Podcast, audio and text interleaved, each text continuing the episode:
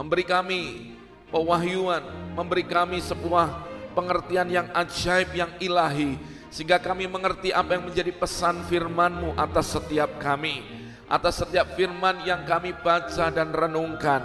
Tuhan Roh Kudus tolong kami, ajari kami, tuntun kami Roh Kudus. Dan selama firman dibagikan yang sakit disembuhkan, yang susah hari ini menerima penghiburan dan pertolongan daripada Tuhan yang mati imannya dibangkitkan di dalam nama Yesus dan kami melihat perubahan ajaib terjadi dalam hidup setiap kami dan kami percaya saat kami melakukan saat kami tinggal dalam firman-Mu ada sesuatu yang dahsyat dan ajaib terjadi dalam hidup setiap kami.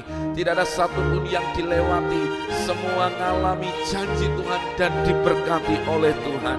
Terima kasih Tuhan. Demi nama Yesus kami berdoa, kami mengucap syukur. Mari yang percaya dengan iman, sama-sama kita berkata, Amin. Haleluya. Yang sepakat berkata amin, katakan Tuhan Yesus baik. Haleluya. Puji nama Tuhan, puji nama Tuhan. Shalom Bapak Ibu Saudara kasih Tuhan yang hari ini hadir ada di Facebook maupun yang ada di YouTube. Tuhan Yesus memberkati Bapak Ibu Saudara semua. Saya percaya anugerahnya dinyatakan bagi kita semuanya.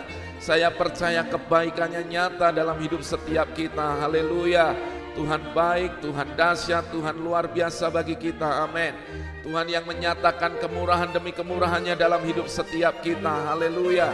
Biarkan kasih setia Tuhan nyata buat hidup setiap kita. Haleluya, puji nama Tuhan, puji nama Tuhan. Saudara kasih Tuhan, mari sama-sama sebelum kita merenungkan firman Tuhan, mari berkata dengan iman, semua yang ajaib, semua yang dahsyat, semua yang luar biasa terjadi dan digenapi dalam hidup saya. Ayo tuliskan dengan iman, menjadi sebuah iman kita di hadapan Tuhan. Semua yang ajaib, semua yang dahsyat, semua yang luar biasa terjadi dan digenapi dalam hidup saya. Katakan amin. Katakan haleluya. Semua yang ajaib, semua yang dahsyat, semua yang luar biasa terjadi dan digenapi dalam hidup saya. Katakan amin, katakan haleluya. Semua yang ajaib, semua yang dahsyat, semua yang luar biasa terjadi dan digenapi dalam hidup saya. Haleluya. Haleluya dengan iman hari ini angkat hatimu, angkat jiwamu percaya bahwa Tuhan ajaib dalam hidup kita. Tuhan dahsyat buat kita. Tuliskan dengan iman semua yang ajaib, semua yang dahsyat, semua yang luar biasa terjadi dan digenapi dalam hidup setiap kita. Haleluya, haleluya, haleluya, haleluya, haleluya. Tuhan baik buat kita, Tuhan luar biasa buat kita. Haleluya, puji nama Tuhan, puji nama Tuhan, puji nama Tuhan. Haleluya, saya bisa melihat komen Bapak Ibu, saya percaya Bapak Ibu punya roh yang menyala-nyala. Amin. Sukacita. Hari ini kita harus bersukacita. Hari ini kita terus hari ini berkobar-kobar terus melayani Tuhan kita.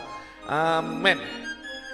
Saudara kita melanjutkan apa yang menjadi tuntunan Tuhan buat kita semua. Kita melanjutkan dalam seri kitab Mazmur sekarang kita masuk di Mazmur pasal yang keempat. Kita belajar akan Mazmur yang dituliskan oleh hamba-hamba Tuhan ini dan kita percaya ada sebuah pesan yang khusus yang Tuhan mau nyatakan bagi kita. Dan di Mazmur yang keempat, di Mazmur pasal yang keempat kita akan belajar tetap diam dan kita tetap percaya kepada Tuhan. Kita belajar tetap diam dan tetap percaya kepada Tuhan. Amin. Saudara mari buka Alkitab saudara, kita sama-sama buka di Mazmur pasal yang keempat, ayat yang pertama sampai ayat yang ke-8. Haleluya. Mazmur 4 ayat yang pertama sampai ayat yang ke-8. Perikopnya doa pada malam hari. Untuk pemimpin biduan dengan permainan kecapi Mazmur Daud. Ini ditulis oleh Daud, perhatikan. Apabila aku berseru, jawablah aku. Ya Allah yang membenarkan aku. Perhatikan, kata yang membenarkan aku. Jadi Daud berkata, apabila aku berseru kepadamu Tuhan, jawablah aku yang membenarkan aku. Di dalam kesesakan engkau memberi kelegaan kepadaku. Kasihanilah aku dan dengarkanlah doaku. Saudara kita bisa melihat sebuah iman yang Daud ini nyanyikan di dalam mazmurnya kepada Tuhan. Tuhan aku berseru dengarkanlah doaku, engkau Tuhan yang membenarkan aku. Daud percaya bahwa hanya oleh kasih karunia dan hanya oleh Tuhan sajalah dia dibenarkan. Saudara dalam bahasa aslinya kata membenarkan adalah kata di mana dia dinyatakan benar. Bukan berarti dia tidak salah. Bisa jadi memang dia ada dalam kesalahan, tapi Tuhan mengambil alih dan membenarkan hidupnya. Dinyatakan benar. Nah saudara mari kita coba lihat di dalam Roma 3 ayat yang ke-24, perhatikan. Roma 3 ayat yang ke-24, perhatikan firman Tuhan ini. Saudara, kita dari ayat yang pertama kita ambil sebuah pengertian dulu dari Roma 3 ayat yang ke-24. Bapak Ibu bisa buka dalam Alkitab Saudara. Roma 3 ayat yang ke-24. Perhatikan dan oleh kasih karunia telah dibenarkan dengan cuma-cuma karena penebusan di dalam Kristus Yesus. Perhatikan. Dan oleh kasih karunia telah dibenarkan dengan cuma-cuma karena penebusan dalam Kristus Yesus. Berarti saudara dari ayat ini kita bisa menyadari yang membuat hidup kita semua dibenarkan adalah kasih karunia Yesus Kristus. Katakan amin. Berarti Daud ada di perjanjian lama, dia menyadari sebuah konsep yang ada di perjanjian baru. Bahwa hanya Tuhanlah, hanya kasih karunia Tuhanlah yang bisa membenarkan hidupnya. Saudara manusia bisa berbuat sebaik mungkin, karena manusia dalam kejatuhan dalam dosa, manusia tidak mungkin dibenarkan oleh perbuatannya sendiri. Tapi manusia dibenarkan oleh karena kasih karunia di dalam Yesus Kristus. Katakan amin.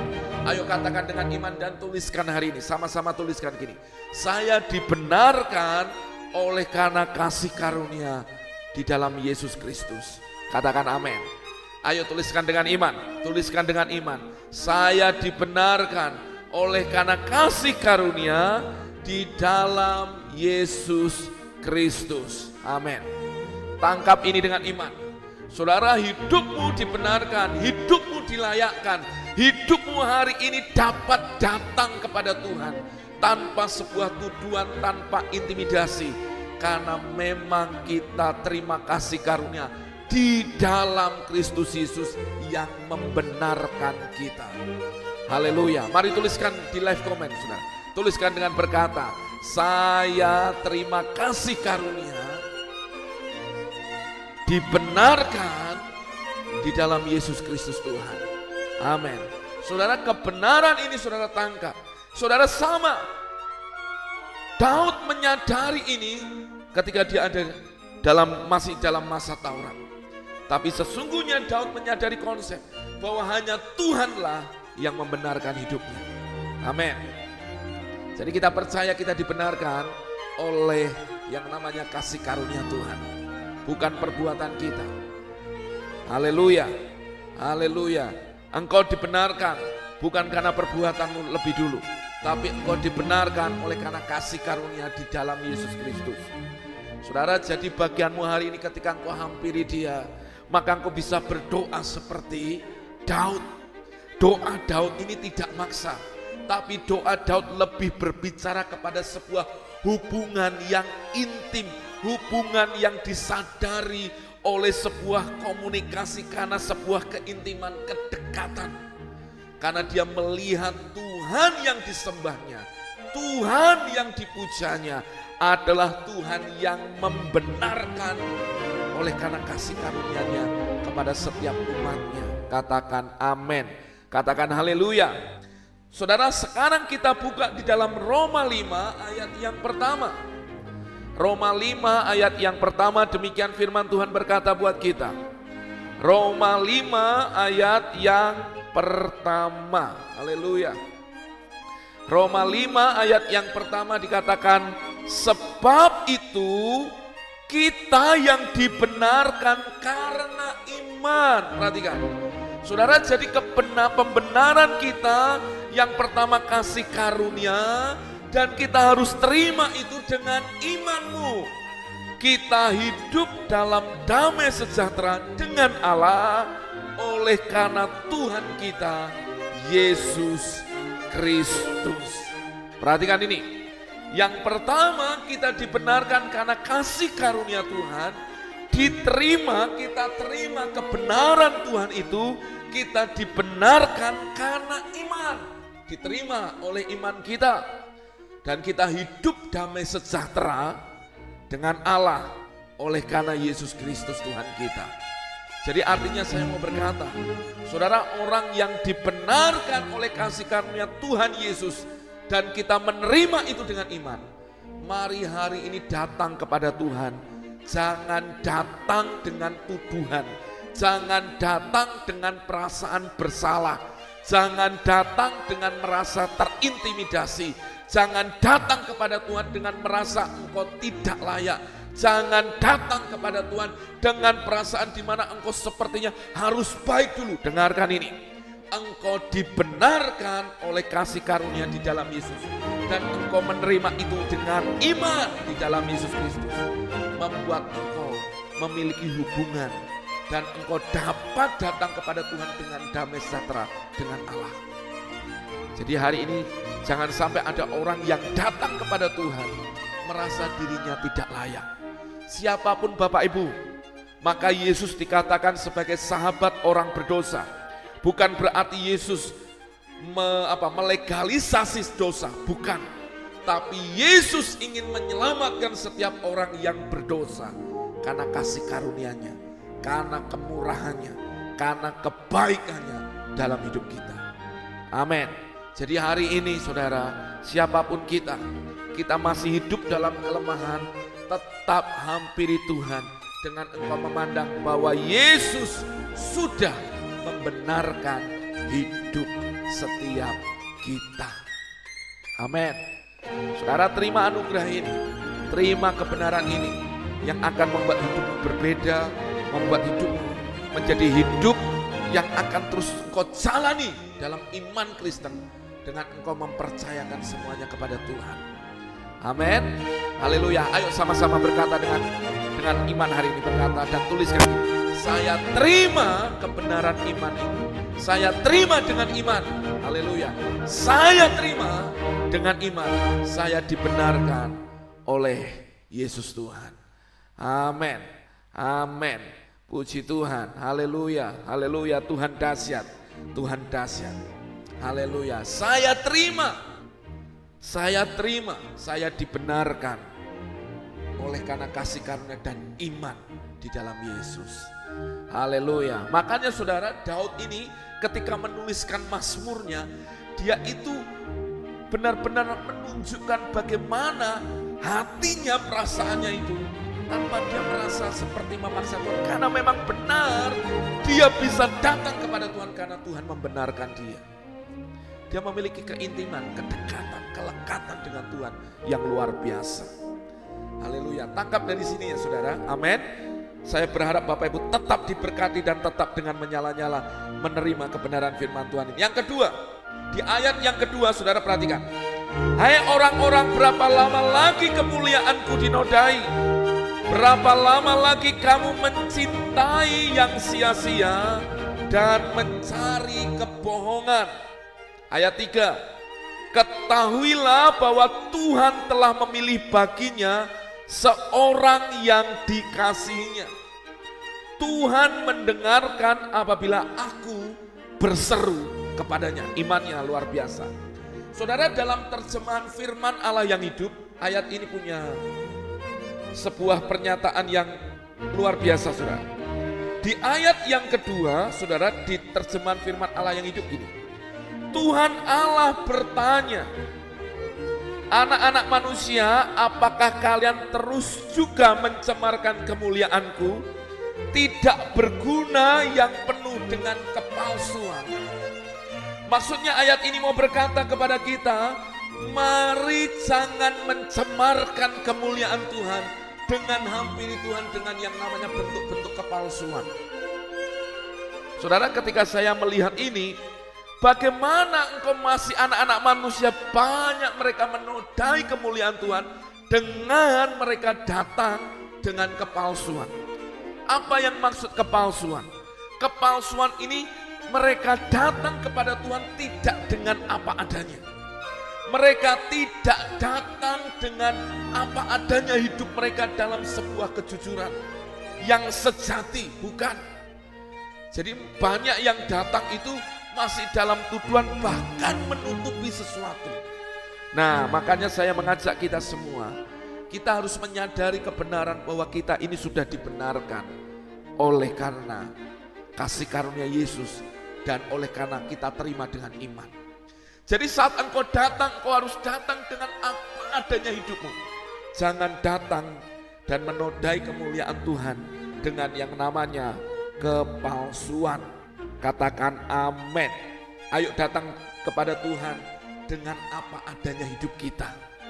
Amin. Datang kepada Tuhan dengan apa adanya hidup kita. Haleluya. Ayo tuliskan saudara di live comment berkata gini. Saya mau datang dengan apa adanya hidupku. Tidak dengan kepalsuan. Ayo katakan, tidak ada kepalsuan. Sebenarnya kita mau palsu atau sejati saudara, Tuhan tahu semuanya. Betul. Tapi kita mau datang kepada Tuhan dengan tidak ada kepalsuan. Tidak ada yang ditutup-tutupi. Tapi kita hampiri dia karena kita sadar dia itu membenarkan kita. Jadi kita akan datang dengan apa adanya hidup setiap kita. Amin. Jadi saudara kalau engkau datang kepada Bapamu Datanglah dengan cinta, datanglah dengan apa adanya hidupmu. Jangan datang dengan kepura-puraan atau kepalsuan. Saudara Tuhan ngerti semuanya, tapi Tuhan lebih senang orang yang datang dengan apa adanya. Katakan amin. Makanya saudara ketika anak bungsu datang kepada bapaknya, dia tahu dia itu menyesal, dia tahu dia itu merasa dia enggak layak. Tapi lihat, Sebelum dia menyelesaikan kalimatnya, bapaknya sudah menghampiri dia dan memeluknya.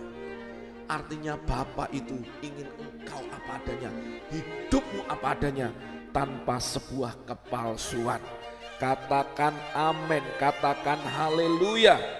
Saudara perhatikan di ayat yang ketiga, di Alkitab saudara di ayat yang keempat, dari terjemahan firman Allah yang hidup, saudara masih di Mazmur 4 ayat yang ketiga, perhatikan ini. Perhatikan baik-baik demikian. Tuhan telah memilih orang yang ditebusnya untuk dirinya sendiri.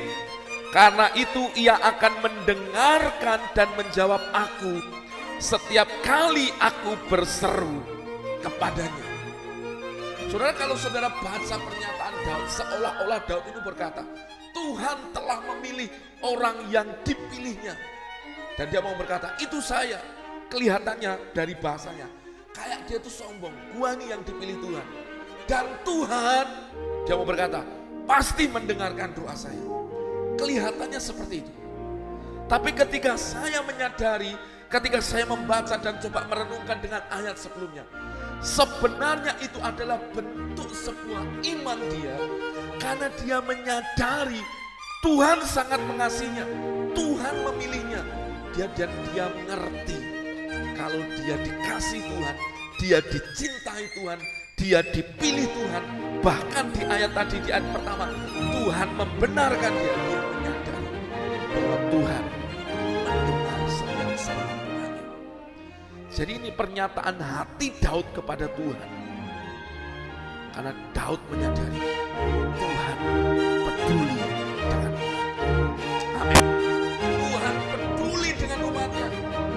Tuhan mengasihi umatnya. Jadi saat saudara menyatakan aku orang yang dikasih Tuhan, sebenarnya saudara sedang menunjukkan bahwa imanku aku hadapkan kepada Tuhan. Maka ketika aku berseru kepada Tuhan, Tuhan pasti menjawab setiap doaku. Bukan sombong, saudara. tapi ini sebuah iman karena dia percaya hubungan yang dekat, hubungan yang intim dengan Tuhan, hubungan yang lekat hatinya dengan Tuhan. Memberanikan dia karena dia sudah dibenarkan oleh anugerah Tuhan membuat dia berani berkata Tuhan mendengarkan apabila aku berseru sama hari ini jangan datang kepada Tuhan dengan keraguan-keraguan. Jangan datang kepada Tuhan dengan ketidakpastian.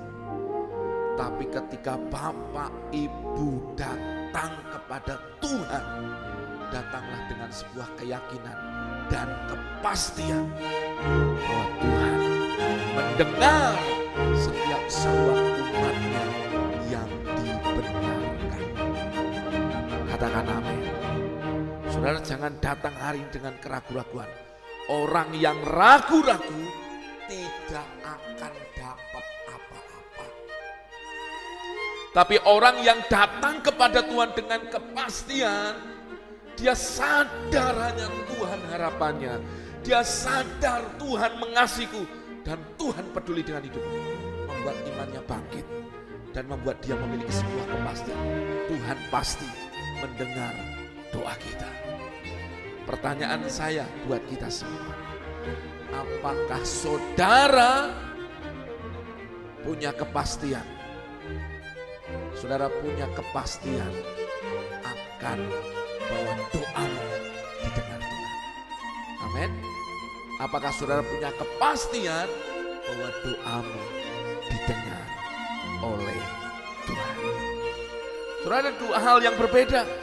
Maka ketika saudara memiliki kepastian, maka kenapa kita tutup setiap doa kita dengan berkata amin. Artinya kita punya sebuah keyakinan kepastian. Ya aku berkata demikian. Aku percaya Tuhan mendengar dan mengabulkan doa. Maka jangan hampiri Tuhan dengan ketidakpastian. Jangan hampiri Tuhan dengan keraguan-keraguan. Bapak Ibu yang ada di Facebook maupun yang di Youtube. Saya berkata hari datanglah kepada Tuhan hari ini dengan kepastian. Tuhan mengasihi hidupmu, Tuhan mencintai hidupmu, dan Tuhan membenarkan hidupmu. Amin. Datang dengan sebuah kepastian. Selanjutnya saudara, di ayat yang keempat, perhatikan. Di Alkitab saudara ayat yang kelima. Perhatikan. Biarlah kamu marah tetapi jangan berbuat dosa. Berkata-katalah dalam hatimu di tempat tidurmu, tetapi tetaplah diam. Nah ini, inilah yang menjadi bagian yang kita perlu kerjakan. Biarlah kamu marah, apakah manusia boleh marah, apakah orang bisa marah? Bisa, tetapi jangan berbuat dosa. Alias apa? Jangan sampai karena kemarahan engkau akhirnya berdosa. Jangan sampai karena kemarahan membuat hidupmu justru engkau berbuat dosa dan melakukan semua yang merusak. Tapi Alkitab mengajari kita, Mazmur 4 ini, biarlah kamu marah tetapi jangan berbuat dosa. Berkata-katalah dalam hatimu, dan tetaplah engkau diam di tempat tidurmu. Katakan amin. Ini yang jadi judul yang saya tuliskan hari ini. Saudara tetaplah diam. Saudara ketika engkau jalani hidup ini maka engkau akan lihat orang benar akan melihat sekelilingnya itu bisa jadi seperti akan memancing emosimu. Bisa jadi sekelilingmu akan membuat hidupmu seperti engkau terpancing dan ingin marah. Tapi lihat Alkitab berkata, jangan marah. Boleh marah tapi jangan berbuat dosa. Tapi kalau engkau marah, tetaplah marah dengan hati yang tenang. Atau yang kedua pilihannya, jangan marah dan jangan berbuat dosa. Jadi saudara, Tenangkan hatimu Nah, saudara saya lihat hari-hari ini ada banyak orang ketika mereka melihat sesuatu tidak seperti dengan hatinya, perhatikan. ada seseorang yang melihat sesuatu tidak seperti hatinya. Ada banyak orang cenderung marah dan bersungut-sungut. Nah ini yang jadi masalahnya banyak orang. Kenapa banyak orang gak bisa ngalami semua yang baik? Karena hatinya sudah dipenuhi dengan sungut-sungut dan kemarahan. Jadi Bapak Ibu Saudara kasih Tuhan, mari hari ini tetap tinggal dalam hati yang tenang, tetap diam. Kalau ada sesuatu yang memancing hidupmu untuk engkau emosi, untuk membuat engkau oh, jadi orang yang, waduh saudara pengen meledak, tetaplah diam. Berkata-katalah dalam hatimu, di tempat tidur bukan di tempat umum. Di tempat tidur berarti apa? Di tempatmu pribadi dan tetaplah diam. Saudara buka di dalam pengkhotbah 5 ayat yang ke-6. Saudara pengkhotbah 5 ayat yang ke-6. Perhatikan firman Tuhan ini. Pengkhotbah 5 ayat yang ke-6. Haleluya. Puji Tuhan. Haleluya. Pengkhotbah 5 ayat yang ke-6. Perhatikan. Haleluya. Pengkhotbah 5 ayat yang ke-6 dikatakan, "Janganlah mulutmu membawa engkau ke dalam dosa." Maksudnya apa? Orang marah ditunjukkan lewat apa? sikap hati. Setelah itu sikap perkataan. Setelah itu baru sikap perbuatan. Jangan sampai mulutmu membawa engkau ke dalam dosa. Dan janganlah berkata di hadapan utusan Allah bahwa engkau kilaf. Apakah perlu Allah menjadi murka atas ucapan-ucapanmu dan merusakkan pekerjaan tanganmu? Perhatikan, Saudara, jadi yang perlu kita waspadai, tetaplah diam itu masalah apa? Perkataan. Saudara, kalau orang gak bisa jaga perkataannya, ketika melihat, apalagi orang-orang tua, saya mengingatkan Bapak Ibu, ketika orang-orang tua, engkau punya otoritas atas anak-anakmu, Bapak Ibu saudara semua, mari hati-hati dengan perkataan kita. Perkataanmu memiliki kuasa atas anak-anakmu. Ketika engkau marah, tetaplah diam. Tetaplah tenang dan kuasai hatimu. Jangan sampai perkataan yang keluar dari mulut kita membawa kita dalam jeratan dosa dan ujungnya Tuhan justru murka atas ucapan-ucapan kita dan merusakkan pekerjaan kita.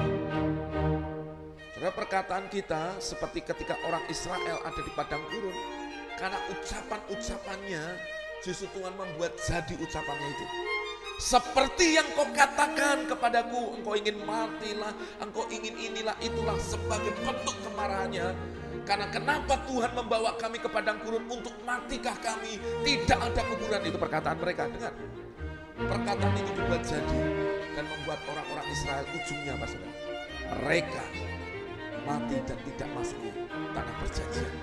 Dari generasi pertama yang masuk yang keluar dari tanah Mesir. Saudara makanya kita perlu perhatikan apa yang kita. Amin.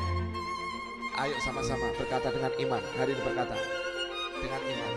Jagai perkataanku dan belajar tetap diam.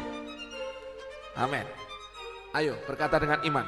Jagai perkataanku ya Tuhan dan tetap diam. Amin. Jagai perkataanku dan tetap diam. Amin. Jagai perkataanku Tuhan dan tetap hatiku diam. Saudara orang yang seperti ini akan lihat kemurahan demi kemurahan terjadi dalam hidupnya. Amin. Saudara makanya penting apa yang keluar dari perkataan kita. Suatu kali saya pernah berkunjung ke salah satu orang Kristen sebenarnya. Tapi ketika saya datang pas dia lagi marah sama anaknya karena nilai nilai mungkin nilai studinya kurang bagus. Lalu saya mendengar saya mau masuk rumah Wah dia memarahi anaknya dengan berkata goblok, wah dipukul anaknya, waduh di Sudah dengarkan ini, engkau ingin melihat semua yang baik. Jagai perkataan kita. Kalau marah tetaplah diam. Jangan sampai mulut kita membawa kita kepada dosa. Kau lihat anak-anak kita yang mungkin gak sesuai harapan dalam hidup. Jagai perkataanmu. Engkau bisa berdoa. Engkau bisa mengharapkan tetap yang baik. Betul saudara. Jadi ketika saudara hari ini melihat sesuatu, pekerjaanmu, Kenapa banyak orang kadang ngalami kok pekerjaannya sepertinya dalam tanda kutip nggak ngalami breakthrough atau terobosan. Ingat ini, salah satu ini. Jangan sampai Tuhan murka atas ucapanmu dan merusakkan pekerjaan tangan. Artinya bukan Tuhan itu merusak bukan. Tapi tanpa sadar banyak orang ngomong bangkrut. Ah ini kalau cara begini saya bisa bangkrut habis nih nih. Wah ini nanti bisa jadi wah saya nggak berkembang tanpa sadar perkataan kita itu sedang membuatkan itu terjadi. Sedangkan hidup dan mati dikuasai oleh lidah. Siapa suka menggemakannya akan makan buahnya. Saudara ingin lihat kehidupan, saudara ingin lihat kehidupan, saudara ingin lihat kematian, saudara ingin lihat keberhasilan, perhatikan apa yang keluar dari mulut Bapak Ibu saudara. Amin. Ajari anak-anak Bapak Ibu untuk tetap memperkatakan semua yang baik. Amin. Makanya saudara renungkan ini. Ketika Tuhan memberi renungan rema ini, sampaikan Kalau mereka benar dalam perkataan, maka sesuatu yang baik pasti terjadi dalam hidup mereka. Ya pasti. Nah, sering kali kita itu banyak dikondisikan oleh keadaan semua. Keadaannya lagi baik. Perhatikan ini. Keadaan baik banyak orang luar biasa. Tapi keadaannya kalau tidak seperti yang kita harapkan. Banyak orang mulai marah dan mulai mengucapkan banyak hal yang tidak benar dengan perkataan. Hari ini kita berubah. Maka setelah tetaplah diam, selah, pause, diam sejenak, renungkan yang di atasmu itu tadi. Apa? Tetap diam. Jangan marah dan berbuat dosa. Jangan sampai mulut kita mengucapkan hal-hal yang menyakiti orang lain dan menyakiti hati Tuhan. Amin. Selanjutnya ayat yang kelima dikatakan, persembahkanlah korban yang benar dan percayalah kepada Tuhan. Perhatikan saudara, ibadah yang sejati adalah ketika kita mempersembahkan hidup kita sebagai persembahan yang hidup, yang kudus, dan yang berkenan kepada Tuhan. Saudara tidak akan mungkin bisa mempersembahkan korban yang benar kalau tidak mempercayai Tuhan. Saudara tidak mungkin membawa persembahanmu, korbanmu kepada Tuhan dengan iman kalau saudara tidak percaya bahwa Tuhan yang kau di mana kau membawa persembahan dapat percaya. Jadi hari ini saya mau mengingatkan Bapak Ibu Saudara, engkau harus taruh hidupmu untuk percaya kepada Tuhan seutuhnya. Jangan percaya kepada Tuhan itu hanya sepenggal. Dengar ini. Saudara ketika seseorang berkata aku percaya kepada Yesus. Dia harus taruh hidupnya sepenuhnya kepada Tuhan dan tidak ada kompromi di sana. Katakan amin. Percaya Ketika engkau percaya, maka engkau persembahkan hidupmu. Engkau percaya, engkau bawa korbanmu. Engkau percaya, maka engkau melayani Tuhan. Engkau percaya, makanya engkau beribadah. Engkau percaya kepada Tuhan, maka engkau menyembah Tuhan. Engkau percaya kepada Tuhan, makanya engkau mengangkat tangan bagi Tuhan. Engkau percaya kepada Tuhan, maka engkau berdoa. Bukan sebaliknya. Engkau berdoa supaya engkau percaya, bukan. Engkau percaya Makanya engkau hari ini datang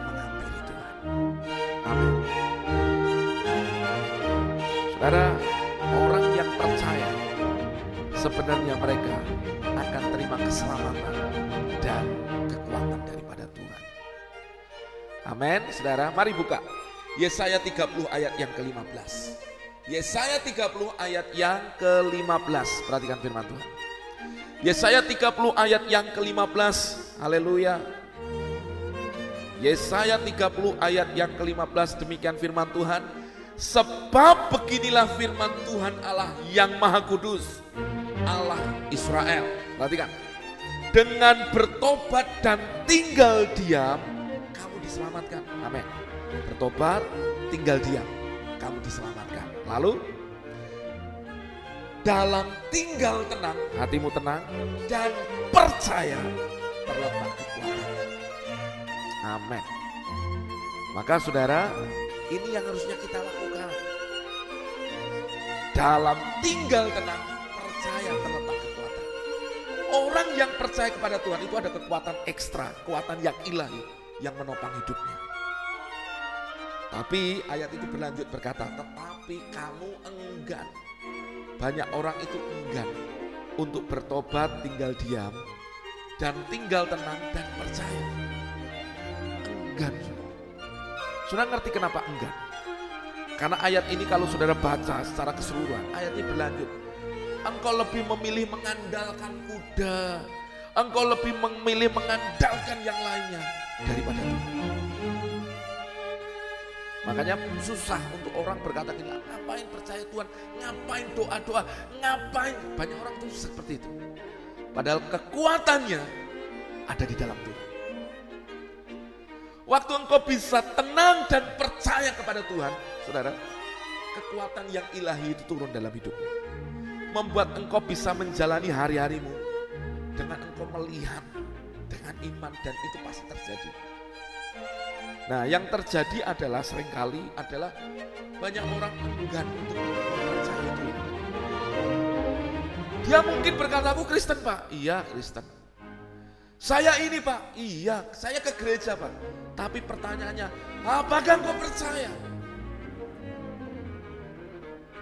Haleluya. Saudara orang yang percaya beda. Ada orang sederhana percaya malam itu. Sudah lihat ini.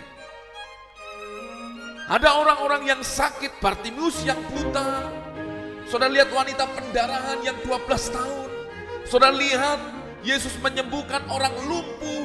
Yesus menyembuhkan seorang ibu yang bungkuk. Dengarkan ini. Mereka percaya perkataan Yesus. Mereka disembuhkan.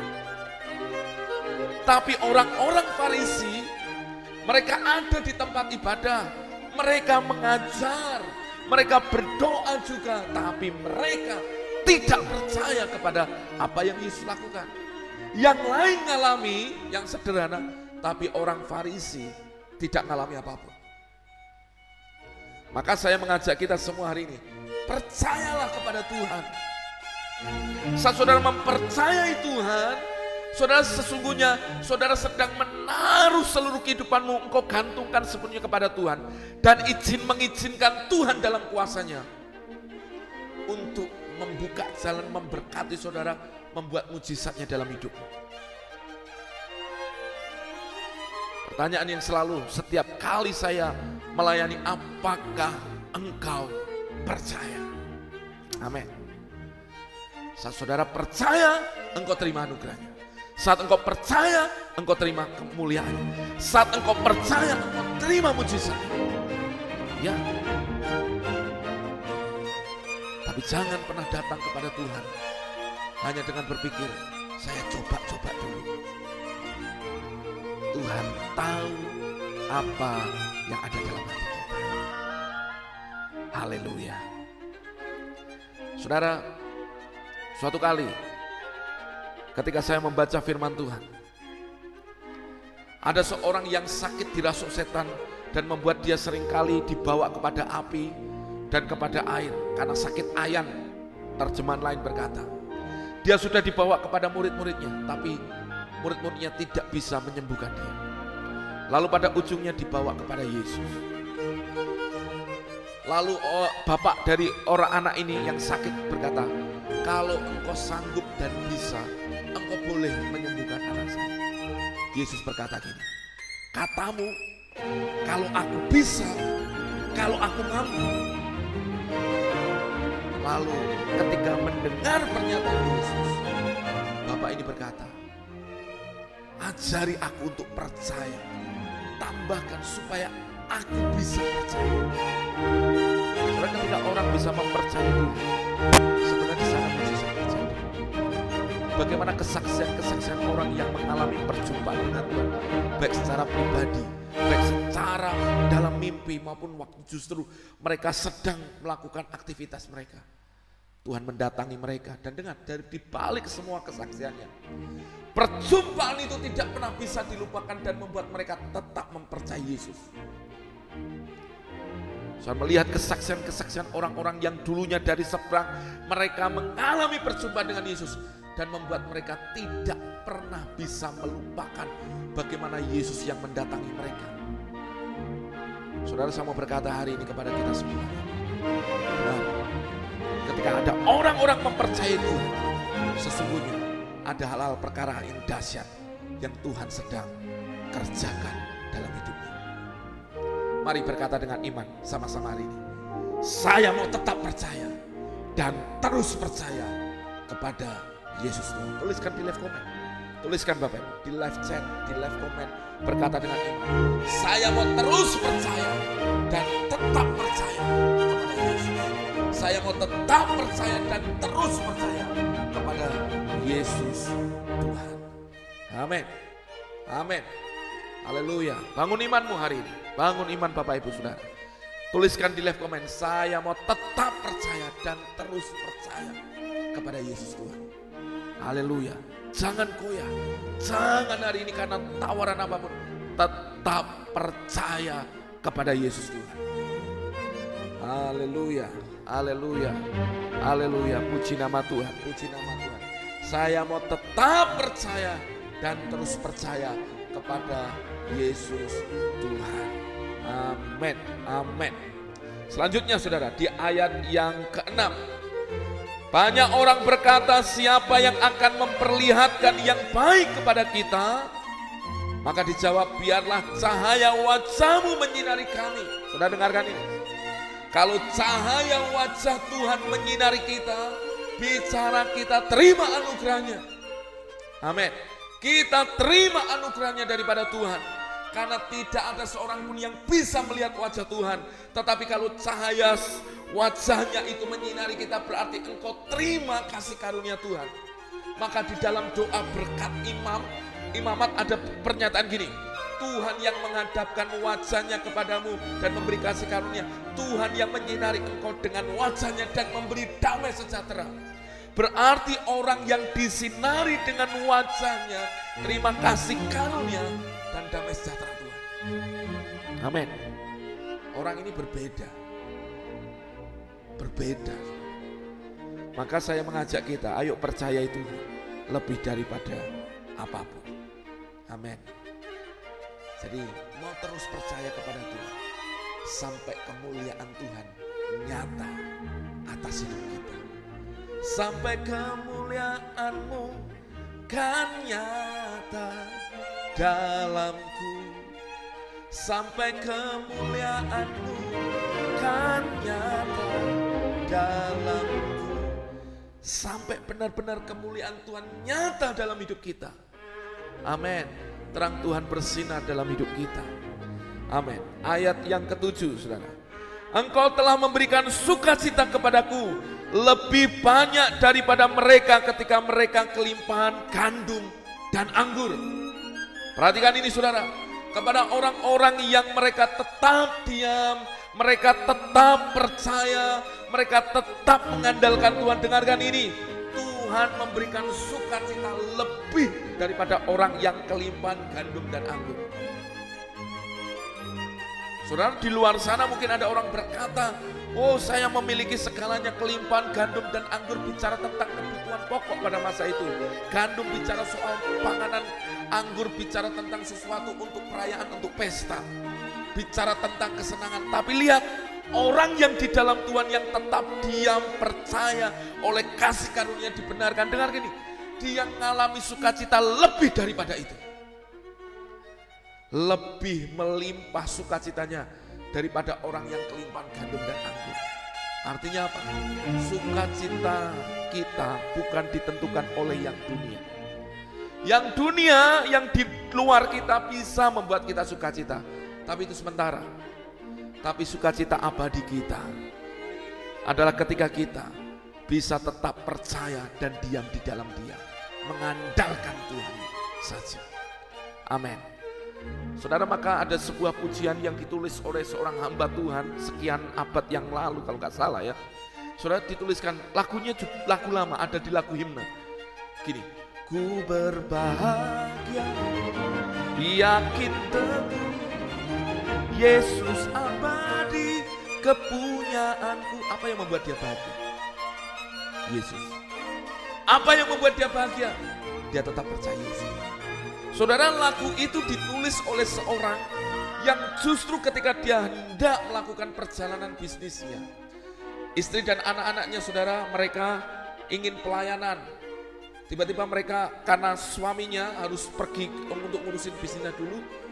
Istri sama anaknya disuruh jalan ke tempat sebuah pelayanan. Di tengah jalan perahunya karam, anaknya mati, tinggal istrinya saja. Saudara itu membuat hatinya terpukul. Justru di tengah kondisi itu membuat dia tetap percaya kepada Tuhan dan tidak meninggalkan Tuhan. Sampai lagu ini tercipta. Dalam terjemahan Inggris katakan, This is my story, this is my song. Ini laguku Tuhan. Lagu tentang imannya yang dihadapkan kepada Tuhan. Saudara sama hari ini. Sukacita kita bukan karena uang. Sukacita kita bukan karena jabatan. Saudara bisa sukacita uang, tapi sukacita sejati kita sesungguhnya karena kita Itu yang akan membuat hidup kita berbeda. Jadi saudara, tetaplah memandang kepada dia. Percaya Tuhan. Maka ayat 8 dikatakan, dengan tentram aku mau membaringkan diri lalu segera tidur. Sebab hanya engkaulah ya Tuhan yang membiarkan aku diam dengan aman. Saudara kembali. Nyanyian ini dinyanyikan Daud ketika dia berdoa pada malam hari sebelum dia tidur. Saya tahu apa yang dialami dia ada banyak pergumulan mungkin masalah, ada sesuatu yang menjadi pikirannya. Dengarkan ini. Tapi ketika ayat 8 ini ditulis, dengan tentram aku mau membaringkan diri, lalu segera tidur. Berarti gini, Daud menyerahkan semuanya kepada Tuhan. Dan ujungnya dia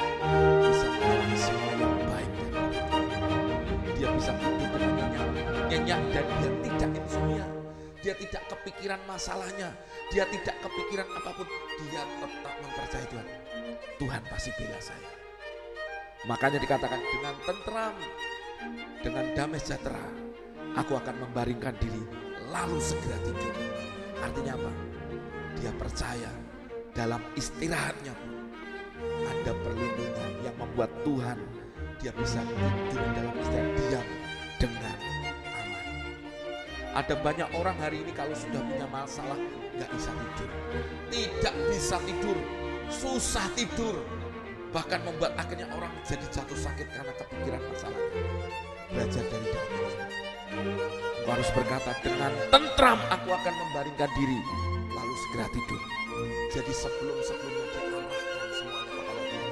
Dia serahkan masalahnya kepada Tuhan. Serahkanlah segala khawatirmu kepada Tuhan. Ia yang memelihara engkau, yang bertindak dalam hidupmu. Maka orang-orang yang demikian akan melihat anugerah Tuhan dan kebaikan Tuhan di dalam hidupnya. Amin. Jadi hari ini mari belajar untuk kita mempercayai Tuhan lebih dari apa pun dalam hidup kita. Amin. Saudara, mari mempercayai Tuhan lebih daripada apa pun dalam hidup Amin. Saudara akan istirahat dengan nyenyak. Setiap malam kau gak perlu pakai obat tidur. Engkau gak perlu pakai obat penenang. Tapi engkau percaya dengan tentram aku akan istirahat. Dan Tuhan akan membiarkan aku diam dengan tenang. Saudara, ayo izinkan harimu hatimu hari ini.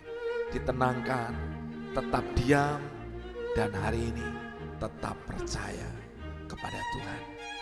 Biarkan renungan ini menjadi berkat buat Bapak Ibu Saudara semua. Terima kasih buat semuanya. Dan saya percaya anugerah Tuhan dinyatakan bagi kita semuanya. Mari sama-sama kita berdoa kepada Tuhan.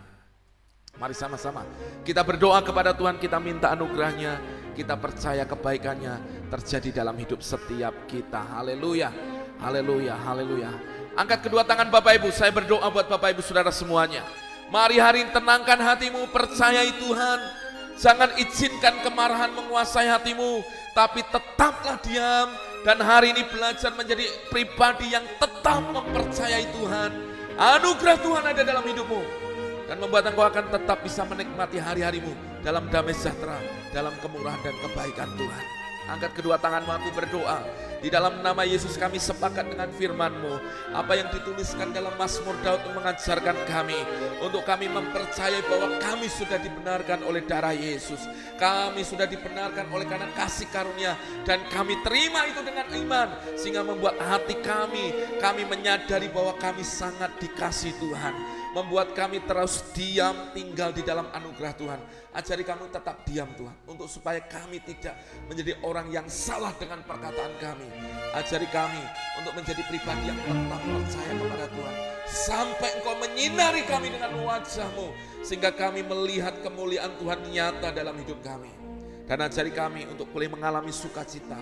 Sukacita terbesar kami adalah karena di dalam Yesus dan engkau membuat setiap kami mengalami semua yang baik. Tidak ada yang sakit-sakitan. Tidak yang ada hatinya yang merasa gundah gulana. Tidak ada yang hatinya terus khawatir dan cemas. Tapi aku berkata hari ketenangan, ketenteraman. Dan hari ini kesembuhan terjadi di dalam nama Yesus atas setiap umat Tuhan. Dan kami percaya hari ini, kami melangkah dengan ini. Kami mau terus berjalan dalam kebenaran firman. Membuat kami mengalami semua yang baik daripada Tuhan. Turunlah kebaikan Tuhan, kemurahan Tuhan terjadi dalam hidup kami. Haleluya, haleluya. Bapak Ibu,